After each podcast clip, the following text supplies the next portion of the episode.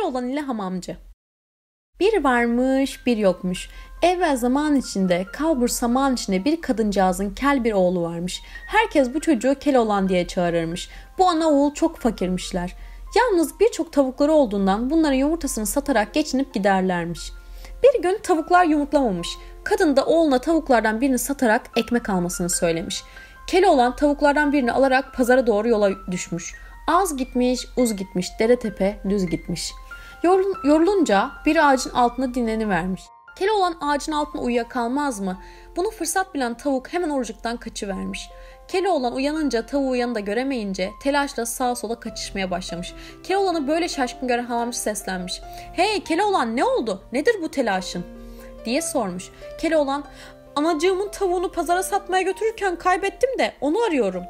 Keloğlan'ın üzgün olduğunu gören hamamcı Keloğlan'a bir miktar para uzatarak bunu al eve gidip anacığına tavuğu bir bu paraya sattığını söyle demiş. Keloğlan hamamcının bu iyiliğine karşı çok sevinmiş ama annesine yalan söylemek zorunda kalacağı için bu teklifi kabul etmemiş.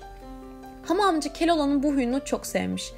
Ona başka bir iş teklif etmiş. Benim de senin gibi doğru sözlü, dürüst bir çırağa ihtiyacım var. Bana yardım edip hamam taslarını temizlersen her gün sana bir tavuk parası veririm demiş.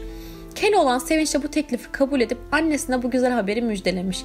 Keloğlan her sabah erken kalkıp hamamdaki tasları yıkayıp temizlermiş. Öyle çalışkanmış ki kısa zamanda civardaki herkes Keloğlan'ı konuşur olmuş. Keloğlan bir gün hamamdaki eski tasları da temizlemeye karar vermiş. Bu tasların içinde bir bakır tas Keloğlan'ın dikkatini çekmiş. Çünkü o tas diğerlerinden çok farklıymış. Keloğlan bakır tası eline alarak onu ovmaya başlamış. Keloğlan bakır tası oldukça tasın içi altın dolmaz mı? O sevinçle hamamcının yanına koşmuş, durumu anlatmış. Hamamcı heyecanla gelerek bakır tası ovmaya başlamış ama tasın içi altın dolmamış.'' Hamamcı Keloğlan'ın doğru sözlü olduğunu bildiği için bakır tası olmasını istemiş. Keloğlan bakır tası oldukça tasın içi altın dolmuş.